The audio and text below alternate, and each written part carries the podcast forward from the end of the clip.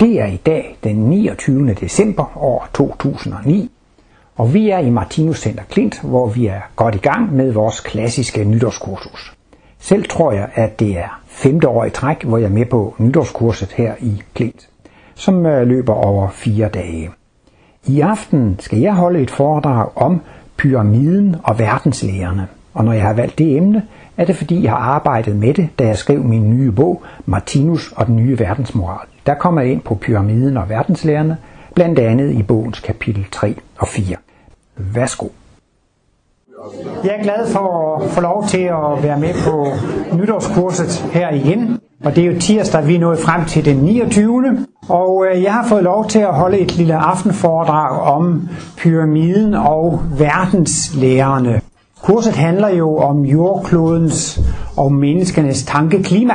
Og øh, der kan være biologer, som kan gå med til, at jordkloden er et levende væsen, ud fra forskellige biologiske og naturvidenskabelige undersøgelser.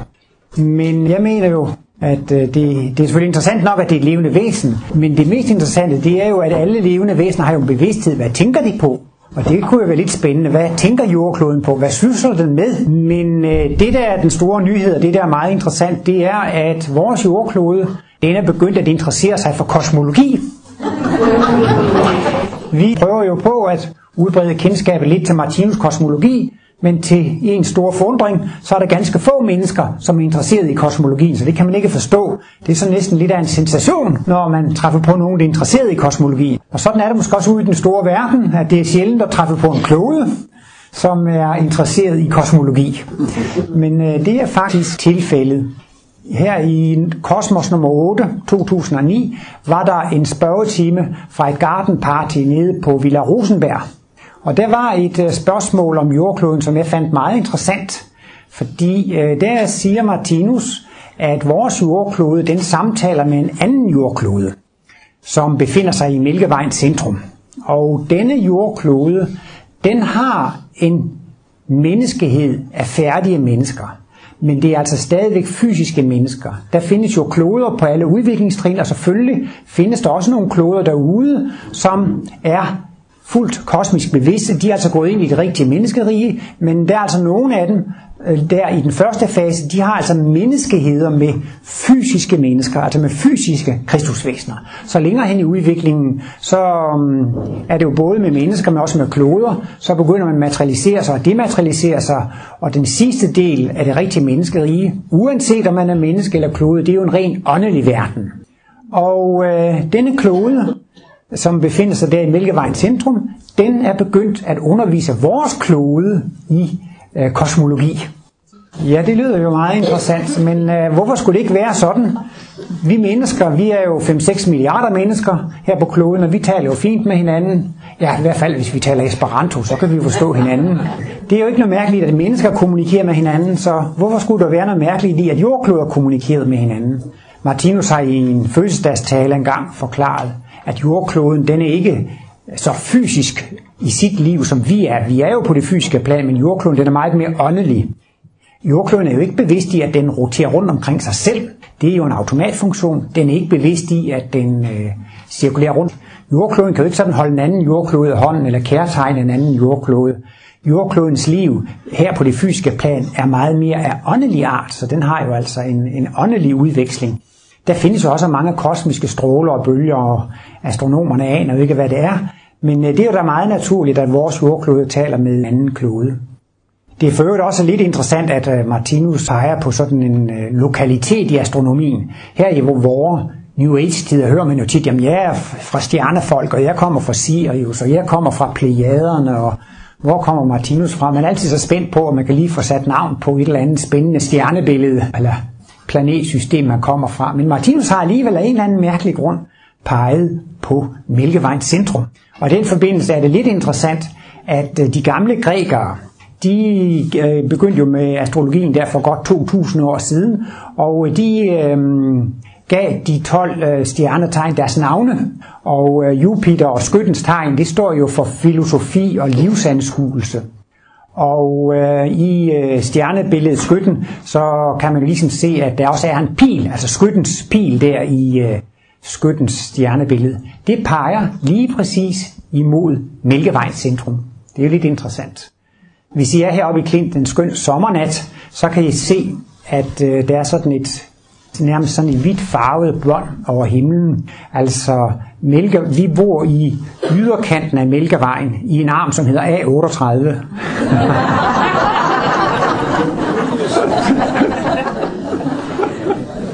Ja, nu er vi i den billige afdeling, så skal jeg, skal jeg også lige gentage den der vits med manden, der gik op og beklagede sig til Martinus efter et foredrag. Jamen det du siger, Martinus, det er jo det samme som Rudolf Steiner siger. Der er jo ikke noget nyt i det, du siger.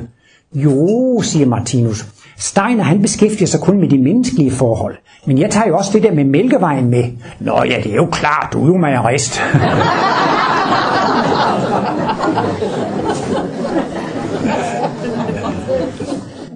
Men uh, sådan rent astronomisk set, så er Mælkevejen, vores Mælkevej, det er en spiralgalakse. Vi befinder os i en af de ydre arme, og den er altså spiral, den er ganske flad. Og det vil jo så sige, at når vi kigger ind mod Mælkevejens centrum, så ser vi jo sådan hele skiven, ikke sandt?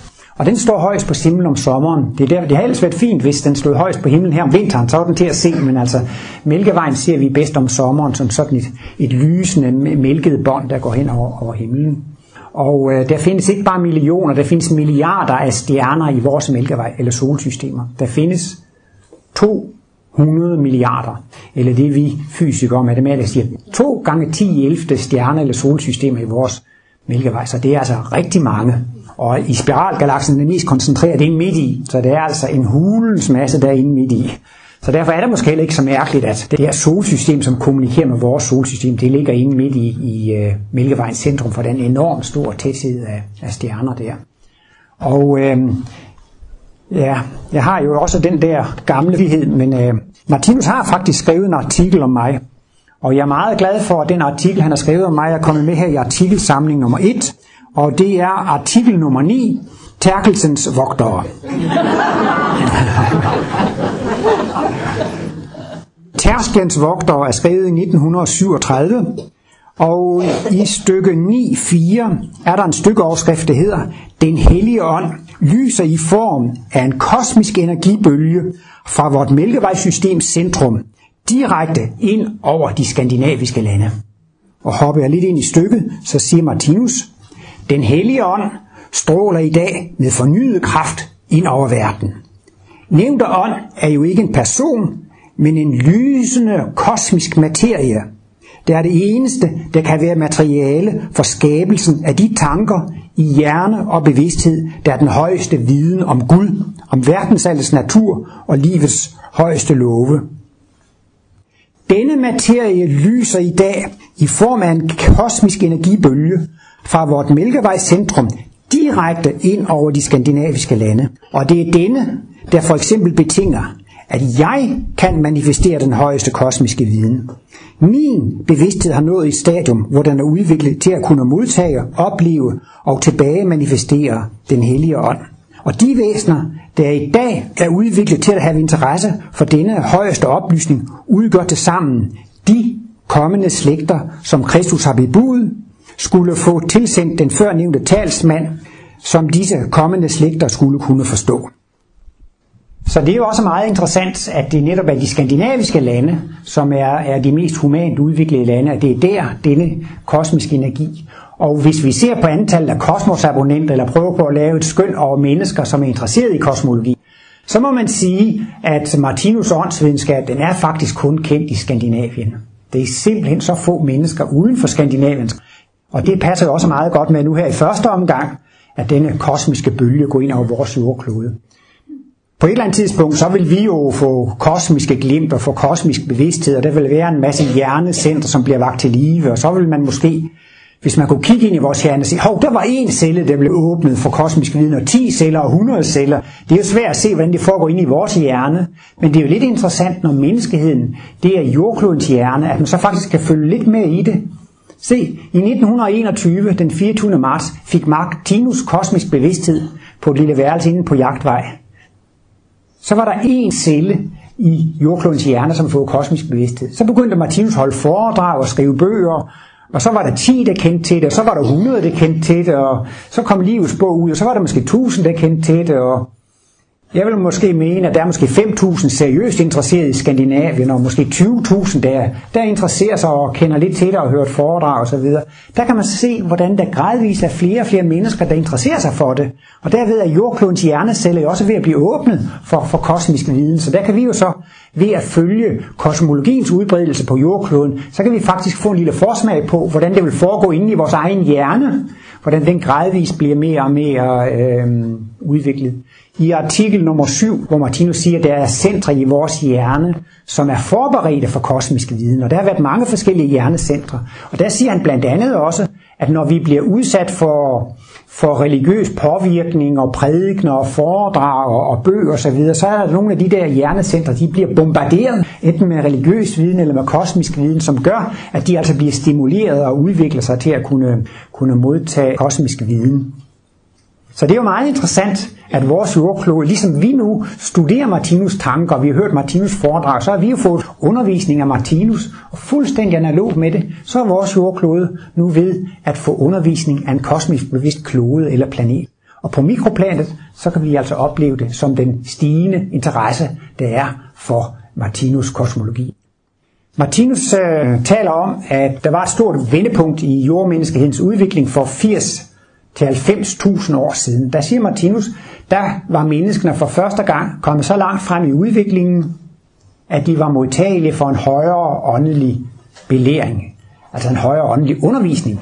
Det er også lidt interessant, at øh, biologer og antropologer i dag mener, at menneskene for 100.000 år siden, altså homo sapiens, at der vandrede de ud fra Afrika, og så vandrede de til Asien og til Amerika og Europa og de har sådan på grund af generne sådan kunne, kunne sige, at asiaterne de kom derover for, jeg ved ikke hvad, 50.000 år siden. Men altså, der er i hvert fald meget biologi i dag, der tyder på, at der også er sket noget meget epokegørende for, for 100.000 år siden. De mennesker, der er i dag, de til syneladende stammer fra den udvandring, der var i Afrika der for en 100.000 år siden. Og Martinus mener jo så altså, at øh, de store pyramider, og der er den store Keops pyramide, blev bygget for altså cirka 90.000 år siden. Og Martinus mener, at det er absolut ikke noget gravkammer. Det er i allerhøjeste grad et indvielsestempel. Men øh, Martinus har i hvert fald antydet, eller mere eller mindre sagt, at øh, denne pyramide er bygget ved hjælp af nogle pyramidebyggere, som netop kommer fra Mælkevejens centrum, som kommer fra det system der. Eller i hvert fald altså, at de pyramidebyggere, der har været med til at bygge pyramiden, var kristusvæsener. Det var altså kristusvæsener, der kom fra en planet, hvor man stadigvæk havde fysiske kroppe. Og øh, man mener jo, at øh, inden for videnskaben, at Keops-pyramiden er bygget for 5 eller 6.000 år siden. Det er man sådan ret sikker på. Jeg har ikke studeret det i detaljer, men der er et eller andet med, at der er sådan nogle støttekamre, nogle afstivningskamre, som man ikke har haft adgang til tidligere. Men der var en eller anden frisk englænder, som brugte dynamit inde i Kæftpyramiden en gang i 1800-tallet, og sprængte sig ind i nogle af de der aflastningskamre. Og derinde var der så altså noget graffiti, eller der var skrevet noget på væggen, øh, hvor det stod i Keops-pyramiden, og jeg ved ikke rigtigt, man diskuterer det vist meget stadigvæk, fordi øh, hvis ikke øh, der er nogen, der har været derinde for nylig, så burde det jo være noget graffiti, som var 90.000 år gammel.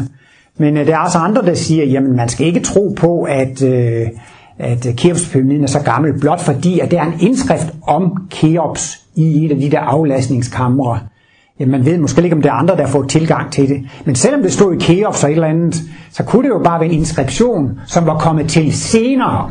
Altså ikke ved selve pyramidens bygning. Men det er altså noget, man stadigvæk diskuterer lidt i de mere avancerede krise. Hvornår må det kan være skrevet, fordi uh, da navnet Keops øh, forekommer åbenbart i uh, en slags inskription derinde i, i pyramiden. Men Martinus mente altså, at uh, det var væsener fra en øh, højere verden, som skulle være med til at hjælpe menneskene frem i deres øh, udvikling.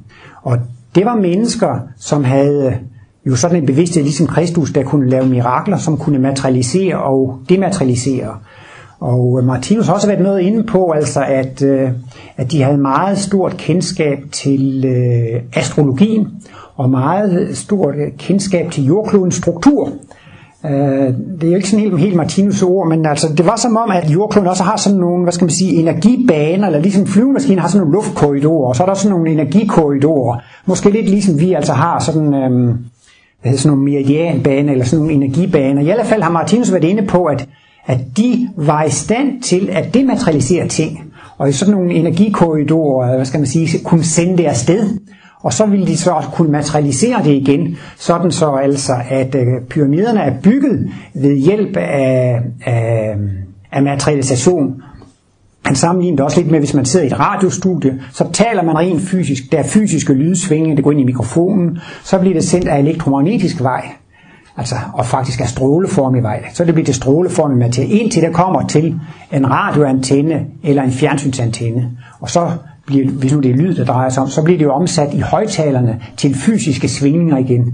I lydstudiet var det fysiske svingninger, og i vores stue er der også fysiske svingninger i luftmolekylerne. Men det bliver sendt afsted med lysets hastighed i luftformelig materie. Og det siger Martinus helt analog, sådan kan man også gøre med den faste materie.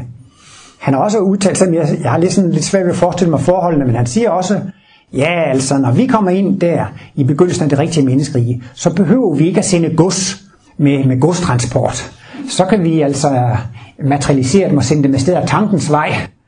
Men så synes man alligevel, det er underligt. Hvorfor kan man så ikke bare lige materialisere dem, når man har brug for det? Hvorfor skal man overhovedet flytte på det? Men øh, der er åbenbart sådan en visse love for, hvor meget man kan magte med at materialisere og, og, og dematerialisere. I kan også godt lige få en lille røverhistorie at øh, der var vi et bestyrelsesmøde, så var det en af bestyrelsesmedlemmerne, der foreslog, Martinus, kan vi ikke lige prøve at lave sådan et spiritistisk eksperiment og se, om vi kan løfte bordet her, hvis vi nu alle sammen lægger fingerspidserne på bordet? Ah, sagde Martinus, det tror jeg ikke. Jeg tror, det her bord det er for tungt, men jeg har et lille sofabord deroppe på i stuen. Det ville vi måske kunne gøre det med. Og det synes jeg var lidt sjovt, at, at når det drejer sig om åndelige kræfter, at, at størrelsen skulle have lidt med det at gøre.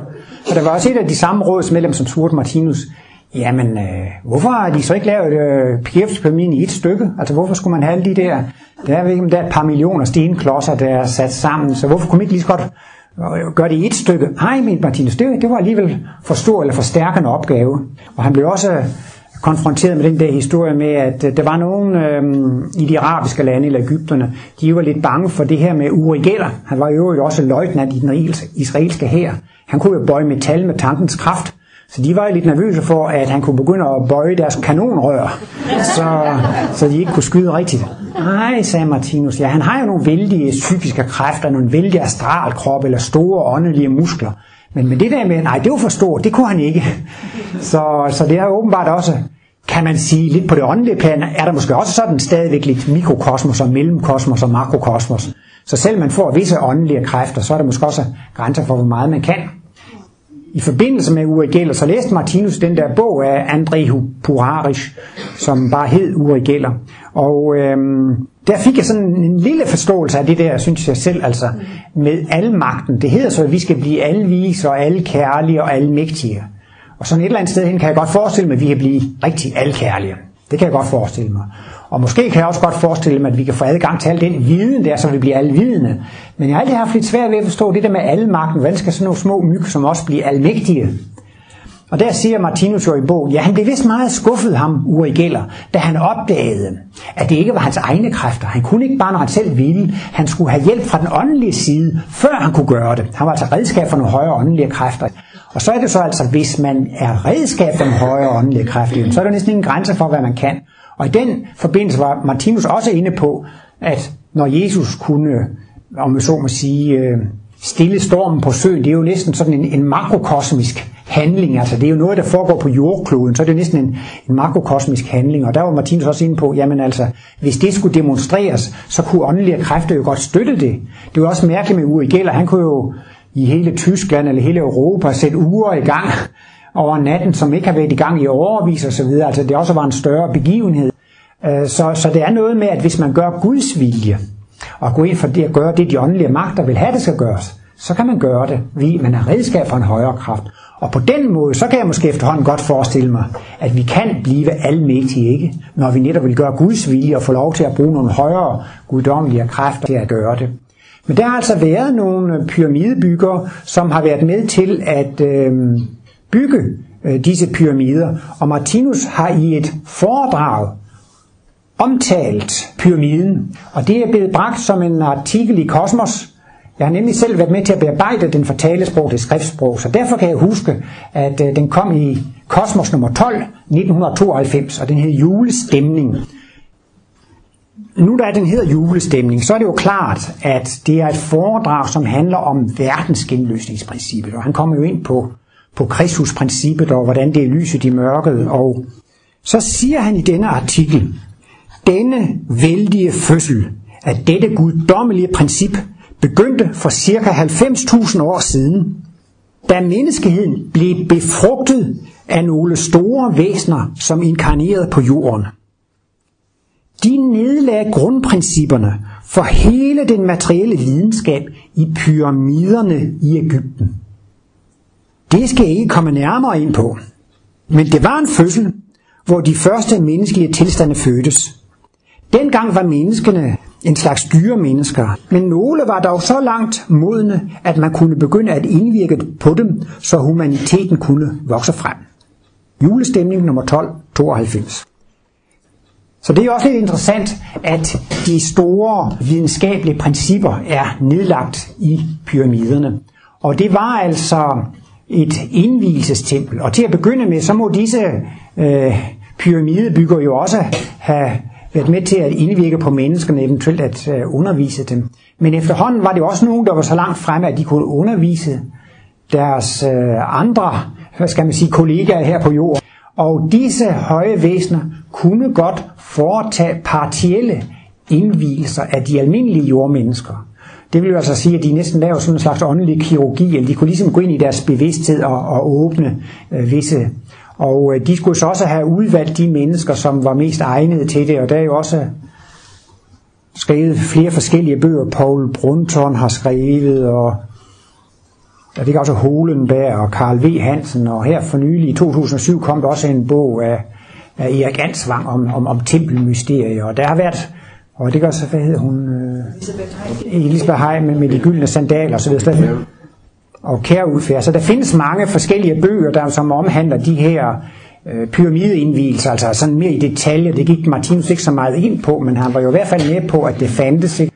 Men altså også, at disse højerestående væsener kunne hjælpe til at udvælge de bedste og gøre det på sådan en kontrolleret måde, sådan så altså de kunne blive faraoner. Og det, der i virkeligheden sker, det er, at disse enkelte mennesker, de bliver redskaber for jordkloden. Jordkloden, den har, den tænker jo, den har en viljeføring, den har bevidsthed, den vil visse ting. Og det bliver også ført ud i verden her på jordkloden.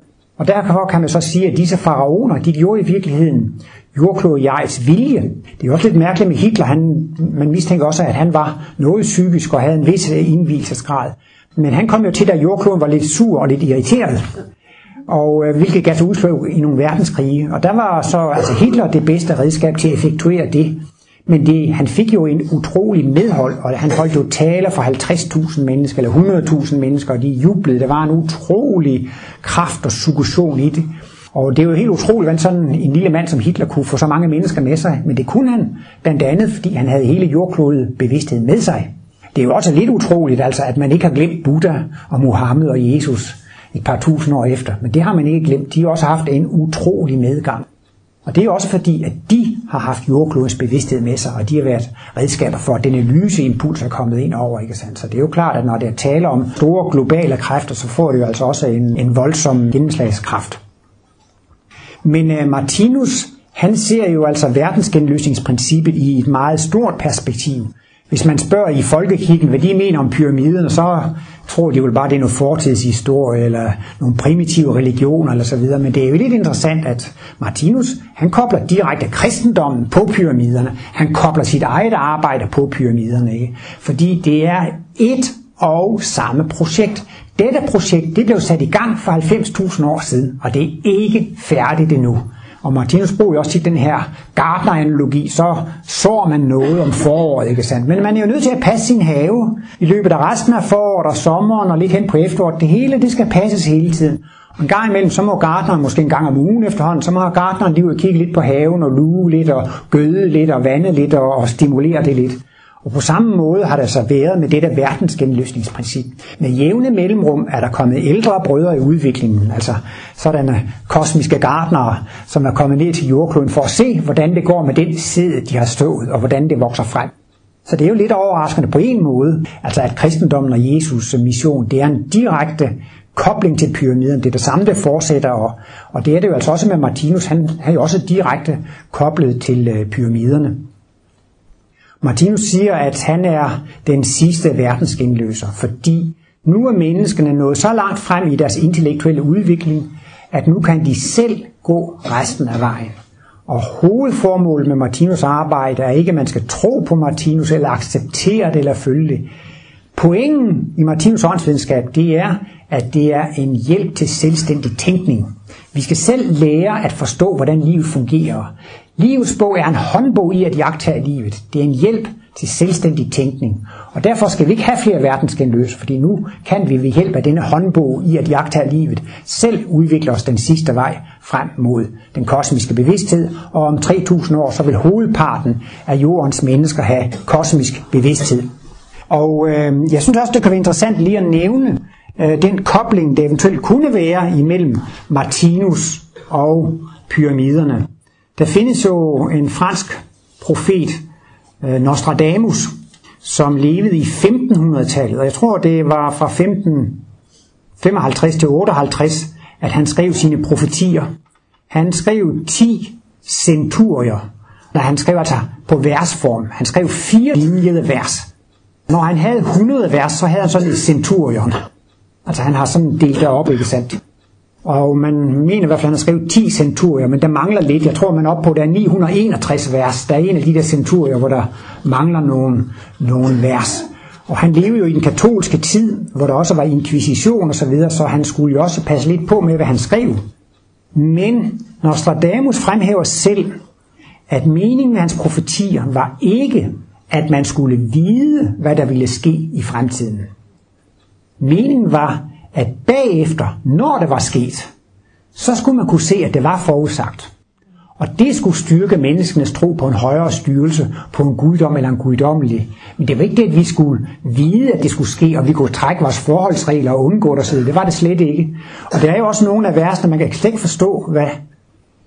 Jeg kan ikke huske helt nøjagtigt, jeg fusker jo lidt, men det var et eller andet vers med, at der var en eller anden pind, der blev stukket ind i et bu, og en, der døde og så videre. Man kunne ikke forstå, hvad der var. Men så var der engang en fransk konge, som døde i sådan en kamp på lanser, hvor han havde sådan et visir for hovedet.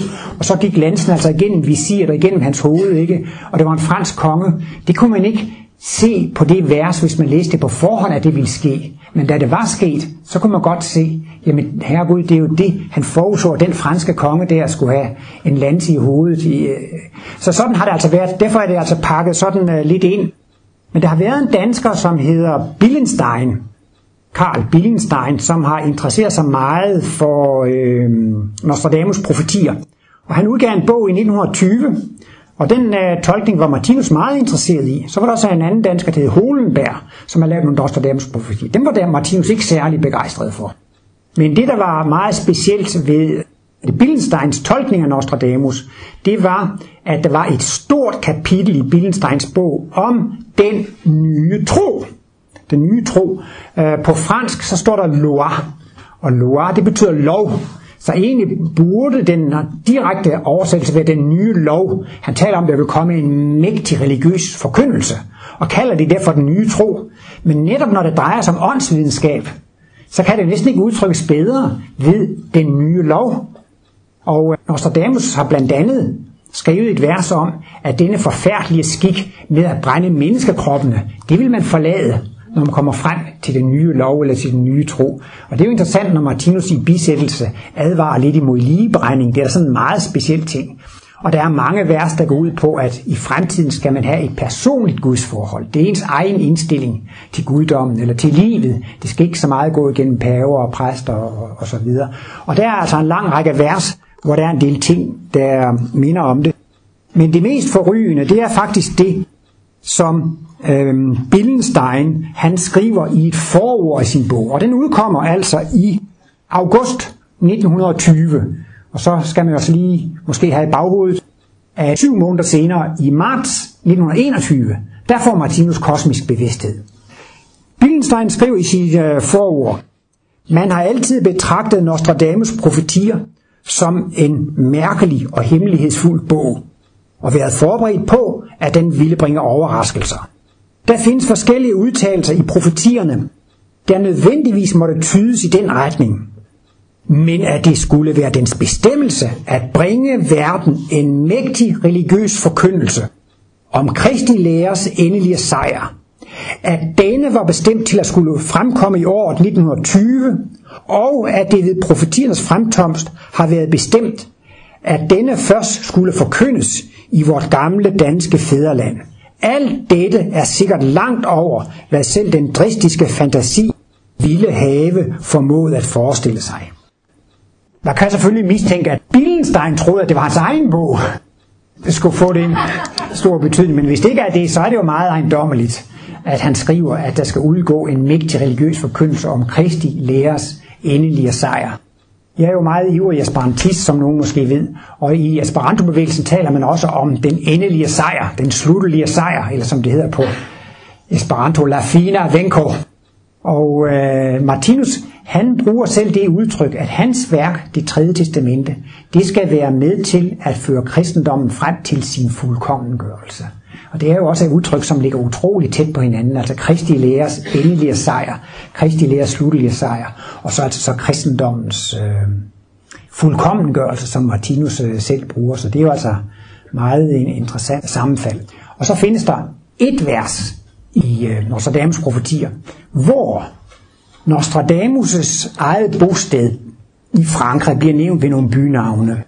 Og så bliver pyramiderne ved deltaget nævnt, altså Nildeltaget, og så bliver prinsen eller fyrsten af Danmark nævnt. Og det er jo meget interessant, at der er den her sammenkobling imellem Nostradamus og pyramiderne og, og fyrsten af Danmark. Man kunne jo selvfølgelig tro, at det var kronprins Frederik eller sådan noget, men det kunne jo måske også have været den danske åndsfyrste Martinus. Eller, øhm, så det er jo meget interessant, at de, at de tre de bliver, bliver koblet sammen. Og bare som en lille detalje, så havde Martinus jo hjemme i sin stue uh, Billensteins Nostradamus profetier stående på hylden. Og han havde også et kæmpestort vægtæppe, som vi måske har set på nogle af med, med, med pyramiderne. Så, så hjemme i Martinus dagligstue, der var både pyramiderne og Nostradamus.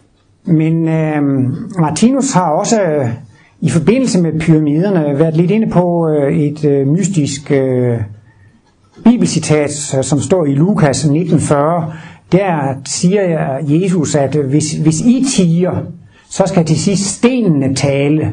Hvad mener han dog med det? Altså det var da en mystisk bemærkning. Så til sidst skal stenene tale, hvis I tiger. Og øh, jeg har ikke nogen skriftlige kilder sådan direkte, men øh, Martinus skulle have antydet, at man ville gøre nogle fund ved pyramiderne. Det er nu ikke Martinus, men det er også nogle øh, esoterikere eller okultister, der mener, at der ligger et stort kammer nede imellem Sphinxens forben, hvor der vil ligge store kulturskatter og et stort bibliotek. Og så har det også ligefrem været i, hvad hedder det, Geographical, National Geographical, eller øh, de der store tv-kanaler, med den der robot, der kørte op i pyramiden. Man havde fundet en, en, øh, en luftkanal, hvor man ikke kunne komme op i, så lavede man sådan en lille robotbil med, med et fjernsynskamera og, og kørte op, og der stødte man så på en eller anden lille træport med lidt koverbeslag på, og jeg tror også, man prøvede at bore et hul og kigge videre. Altså, man har gjort nogle meget interessante nyopdagelser, og det er vist nok øh, forskerteam, som har fået lov til at arbejde dernede i Ægypten. Og det kan man jo nok sige, det vil jo være meget interessant, hvis man gør nogle fund, som på en eller anden måde kan knyttes til Martinus, ikke? Altså, det er ikke Martinus, der har sagt, jeg ved godt, man skal passe på med at sige det, men jeg har sådan en livlig fantasi. Jeg kunne jo godt forestille mig, at det der strålekors, som er på forsiden af livets bog. Ikke? Kan ikke lige se det, for det var hamret ind i granitten der i, i et kammer, som ikke har været åbent i 50.000 år. Så ville det jo være noget, som ville gå hele verden rundt, at i det kammer der, der har man fundet det der Martinus symboler. Ikke? Altså, at, så i så fald, så må man virkelig sige, så råber stenene, og så vil de virkelig tale kan også godt være, at man finder en opsætning af det tredje testamente på borgens forlag, som er materialiseret ind i kammeret der. Det vil man jo nok også undre sig over, når man finder sådan en bogopsætning ind i et hemmeligt kammer. ah, nu løber fantasien måske lidt for hurtigt, men... Øh... Men øh, man kan måske godt forestille sig på en eller anden måde, at der vil blive gjort nogle fund, som man meget klart og tydeligt vil kunne koble til Martinus kosmologi. Men jeg ved i hvert fald, at Martinus har sagt, jamen stenene råber allerede, fordi der forstår stenenes sprog. Ja, man kan spørge sig, hvorfor i alverden skulle man bygge sådan en stenklods? Altså, det kunne, det, kunne mindre ikke have gjort det, kunne man ikke have, have bygget lidt mindre hus i de der indvielser eller så videre. Men Martinus mener, at det var meningen, at pyramiden skulle virke som et vidnesbyrd om en højere verden. Altså ligesom man kan sige, at Martinus har efterladt sig et visitkort i form af sine symboler eller sådan noget, så, så har disse pyramidebyggere fra en højere verden efterladt et visitkort fra en højere verden. For det bygningsværk, det er så kolossalt, og det er så utroligt konstrueret, at man den dag i dag faktisk ikke fatter, hvordan man har kunnet konstruere det. Og Martinus mener, jamen altså, for den, som forstår det og sætter sig ind i det, så vil man forstå, at sådan noget, det kan kun bygges ved hjælp af åndelige kræfter.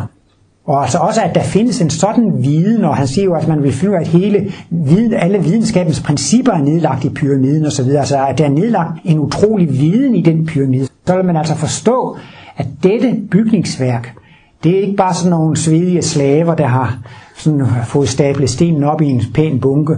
Det er virkelig et vidnesbyrd om en højere verden. Så på den måde, så kan man faktisk godt sige, at pyramiderne taler allerede den dag i dag som for dem, som forstår sproget.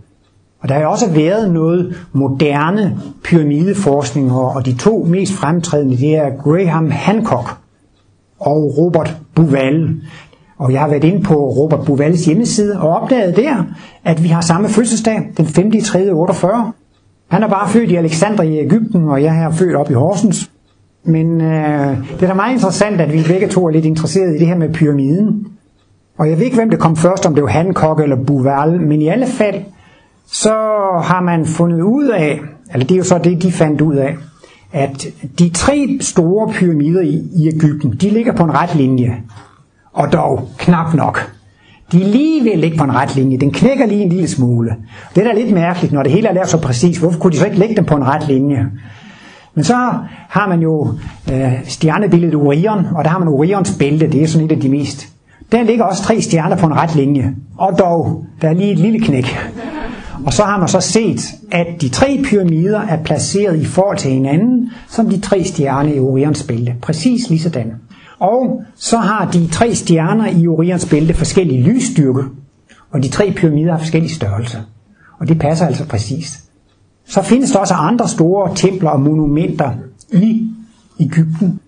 Og mange af de der templer, de ligger på de samme positioner som de øvrige stjerner i Orions stjernebillede. Og disse stjerner har jo en vis, en vis forhold til Mælkevejen. Ikke? Og øh, Mælkevejen der, der har Nilen. Nilen har den samme relation til, de, til templerne, som Mælkevejen har til de der stjerner i Orions bælte. Og på den måde, så kan man så ligesom sige, jamen altså, at de der hellige anlæg i Ægypten er på en måde et spejlbillede af himlen, ikke? Og stjernerne, det var jo guder, det var jo Sirius eller Osiris, og, altså det var jo guder eller guddommelige ting, og øh, pyramiden, den skulle jo netop befeste menneskenes kontakt med det guddommelige. Og øh, man har regnet ud, hvordan det måske har, har forholdt sig, da pyramiden blev bygget. Det er sådan, at jordkloden, den øh, har jo sådan et baneplan, den kører rundt om solen på et år, og så har den en rotationsakse. Men mærkeligt nok, så står rotationsaksen ikke vinkelret på baneplanet. Den danner en vinkel på 23 grader i forhold til den lodrette. Og I har måske nogle gange set, når man sætter en snortop i gang, så snor den rundt. Men nogle gange, så kan omdrejningsaksen godt stå og, og, og vakle. Altså, den har sådan en slags runding. Det er det, man i den mekaniske fysik kalder præcision. Altså, I kender jo den snortop, den vakler sådan ligesom lidt. Det kan vi jo ikke rigtig mærke. Det gør vores jordklode også. Vinklen til lodret, den er altid 23 grader, men den kan sådan være det forskellige steder, mens den, den slinger rundt. Lige nu, så er jordens omdrejningsakse meget tæt ved Polarstjernen eller Nordstjernen. Det kender I godt, når I kan komme bagenden af Karlsvognen, og så ganger man lige med 5, så kommer man op, og så ved man, det er retningen nord, ikke? Men jordkloden, den vakler rundt på 26.000 år. Så om 13.000 år, så vil jordkloden faktisk stå. Jordklodens akse, den vil ikke pege mod Polarstjernen længere, den vil være 46 grader fra, 5-46 grader fra, så meget vil det forandre sig. Men altså om 26.000 år, så står det omtrent igen. Så har man så prøvet at køre tilbage, og så har man kigget på forskellige skakter og forskellige øh, luftkanaler, eller forskellige kanaler i, i øh, pyramiden. Og så har man fundet ud af, at for 12.500 år siden, der pegede de her kanaler lige op mod, mod Orions bælte og op mod Sirius, og lige præcis dengang så stod solen op, vi, vi skinnede solen ned mellem sfinksens forben ved forårsjævndøgn. Jeg kan huske, der var sådan en hel række fuldstændig ejendommelige ting, og altså det er også helt utroligt, at nogen altså af, af luftkanalerne med stor nøjagtighed pegede lige op mod de stjerner, som blev forbundet med de egyptiske guder. Og det tager man så som et tegn for, at det her, det er bygget for at vise tilknytning til guderne, til den åndelige verden. Det er altså et fysisk monument, som skal bevidne en tilknytning til de åndelige verdener. Så det er jo sådan noget at den moderne pyramideforskning, de argumenterer så for, at den må være bygget for ca. 12.500 år siden. Fordi der er det lige, at kanalerne peger mod de mest hellige steder.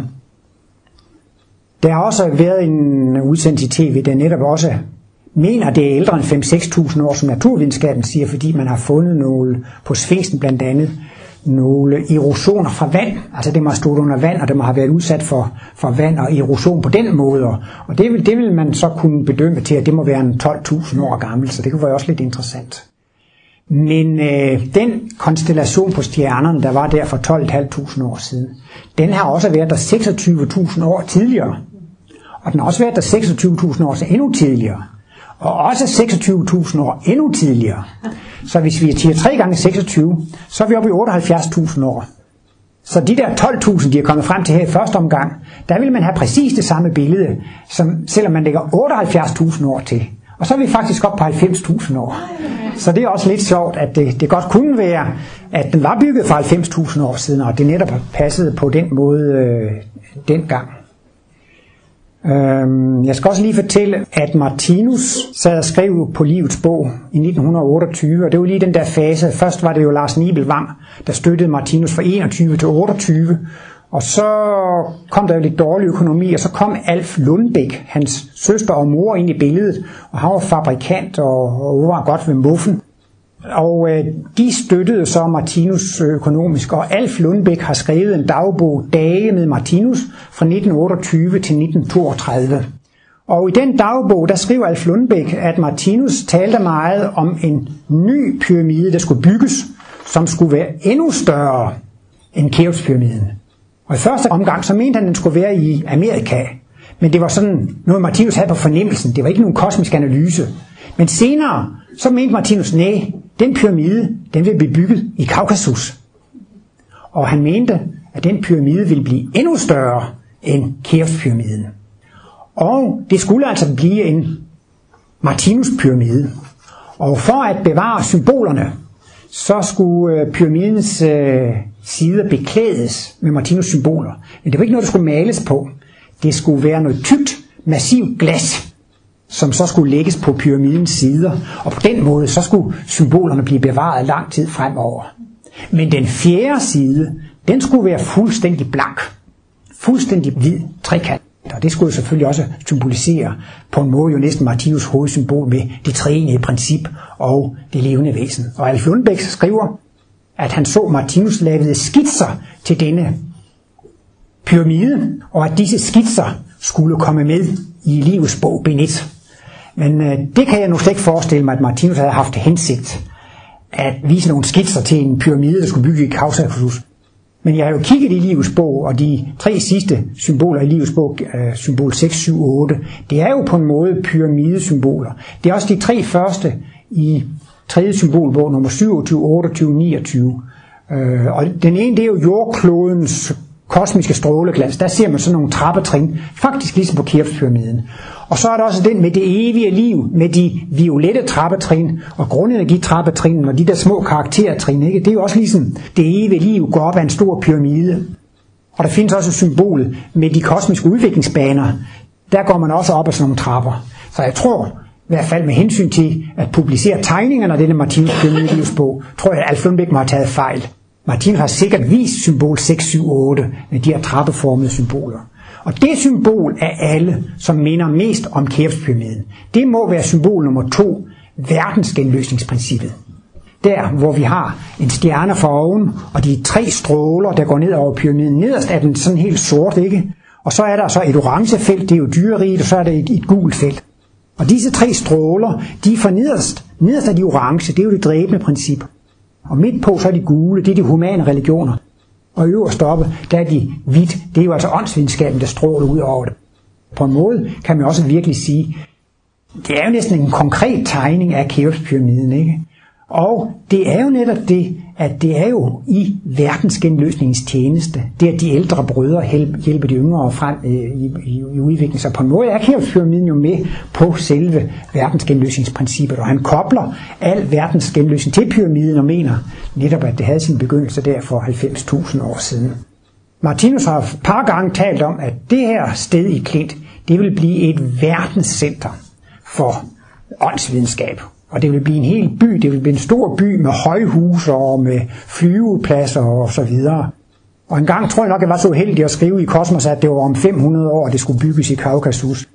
Men jeg har fundet to kilder nu, som er mere pålidelige. Og det vil sige, at det går et par tusinde år, før det åndsvidenskabelige center skal flyttes til Kaukasus. I det sydlige Kaukasus, hvor man har et dejligt, varmt, behageligt klima. Og russerne har jo også snart gået så meget lidelse igennem, så de vil også vil være mere modtagelige. De har også fået en god træning i kommunisme, og øhm, det er ikke til at være helt klar over, men det ser ud til, at til den tid, så vil verdensregeringen også være koblet på det største åndsvidenskabelige center. Martinus siger, at det mest naturlige er faktisk, at religion og politik er koblet sammen. Men netop i denne fase her, før havde man jo et guddommeligt diktatur, og i den fase, hvor menneskene får en selvstændig tænkeevne og bliver materialister, så bliver religionen og politikken adskilt fra hinanden. Og det er det, vi oplever i verden i dag. Og det er også netop der, hvor Ragnarok kommer. Det er der, hvor verdenskrigene kommer. Det er der, hvor atombomberne kommer. De kommer i den periode. Men på et senere tidspunkt, så skal den højeste videnskab jo også forenes med den højeste politik. Og så det vil jo altså blive forenet til sidst med åndsvidenskaben og verdensregeringen.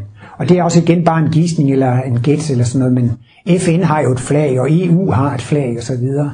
Så det vil jo måske også være meget naturligt, at verdensstatens flag, det vil blive sagens flag. Det er jo et symbol på hele universet. Det er et symbol på et levende væsen, men det er også et symbol på hele universet, ikke sandt? Så et mere universelt symbol kan man vel heller ikke forestille sig til øh, verdensstaten. Så. Ja, jeg synes, jeg havde så mange små løse ender.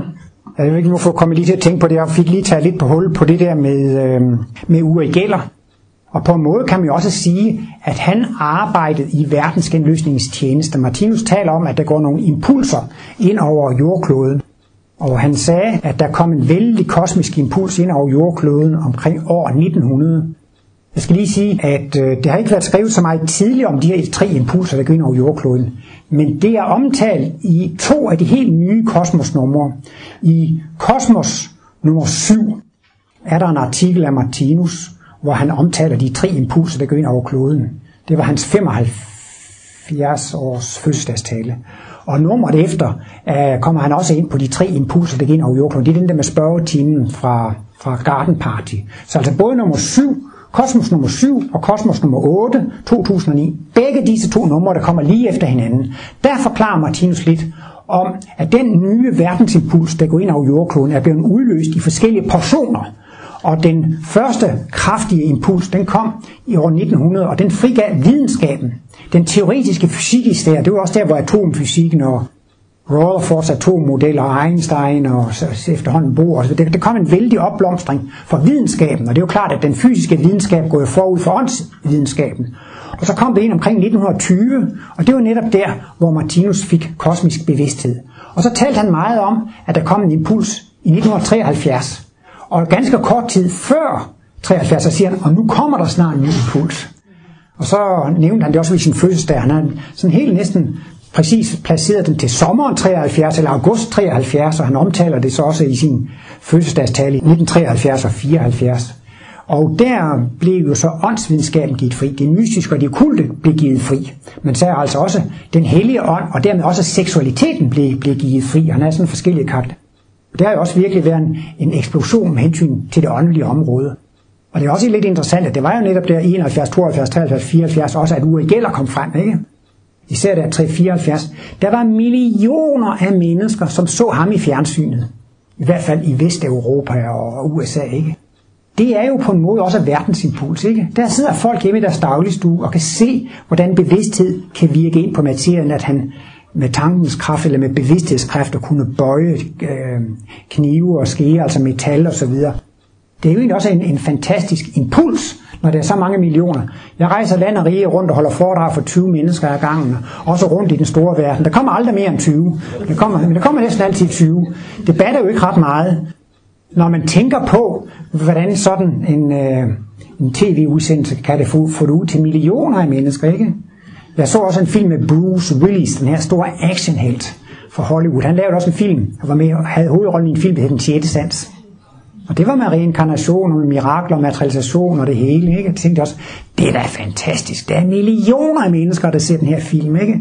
Og her har jeg jo siddet klistret til fjernsynsskærmen i julen for at se, hele december for at se Jesus og Josefine og pakten. Og jeg synes, det er interessant, at det er simpelthen en ny kan man sige, trend inden for julekalenderfilm, at det er magi og det er mirakler. Og det er højere magter, der materialiserer og dematerialiserer, ikke? Det er også en kolossal impuls, ikke sandt? Altså, at, at der er tusindvis af børn, som så at sige næsten får det med modermælken. For dem er det jo så naturligt. Og det er jo lidt interessant, selvom de voksne er meget materialistiske og videnskabeligt indstillet, så kommer det alligevel ind på det kunstneriske niveau. Eller altså, at, at det er jo så at sige også en del af den nye verdensimpuls. Det er jo så gør Martinus så meget klar udtryk for, at det er jo hans åndsvidenskab, som virkelig er det centrale i den nye verdensimpuls, at Kristi væremåde skulle gøres til videnskab, og, og altså det skal indeholde livsmysteriets løsning, det skal få en forklaring om, hvad livet er, og hvordan livet fungerer, hvad meningen med livet er, og hvorfor vi er her, og, og, og hvad der skal ske. Så det er jo stadigvæk kernen i den nye verdensimpuls, men det er interessant at se, hvordan altså den arbejder på mange forskellige planer og, øhm, og niveauer. Jeg vil også godt lige nævne bog nummer 14. Der er en artikel, som hedder Tanker omkring påske, hvor Martinus argumenterer for, at jordkloden er et levende væsen. Og han laver nogle analogier til vores verden med, hvordan vandet cirkulerer, vores blod cirkulerer, og, og der er jo også hvad hedder sådan noget, fotosyntese og forbrænding og så videre. Regnskoven er jordklodens lunger, og vi har lunger. Og Martinus kommer med sådan nogle forskellige analogier. Jordkloden, den får jo næring. Den får solstof. Altså dels får den jo sollys, men den får jo faktisk også meteorer og så videre, og måske også kosmisk stråling, ikke? Men øh, der er også en af de der få skriftsteder, hvor Martinus går ind på, at jordkloden får også åndelig næring. Og der, altså igen, er et af de få steder, hvor man refererer til Mælkevejens centrum. Det gør han i bog nummer 14, Tanker omkring påske. Der skriver han så også der, at jordkloden modtager åndelig næring fra, fra dette klodesystem i, i Mælkevejens øh, centrum. Nu kan jeg jo se på klokken dernede, at den er ved at være 8. Martinus siger altid, når man skal holde foredrag, så er man sådan lige lidt nervøs i starten og sådan noget. Så, så når man kommer i gang, så flyder det jo ligesom, og så bliver det sådan lidt svært at slutte. Så han sammenligner det med et faldskærmsudspring. Man er lidt nervøs, når man skal springe ud fra flyveren der. Og så når man hænger i luften der, så går det jo egentlig meget godt, og så er det så bare lige til sidst det der med, hvordan man nu øh, får landet på en god måde.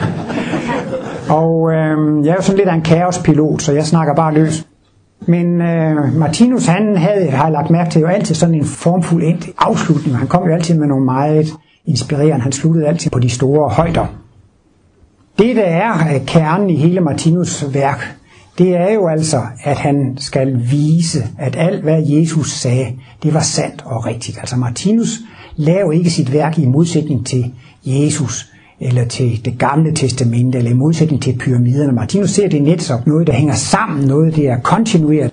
Så derfor så Martinus i den grad sit eget værk som en fortsættelse af Kristus missionen. Martinus brugte tit det udtryk, Kristus mission blev for alvor indviet ved korsfæstelsen.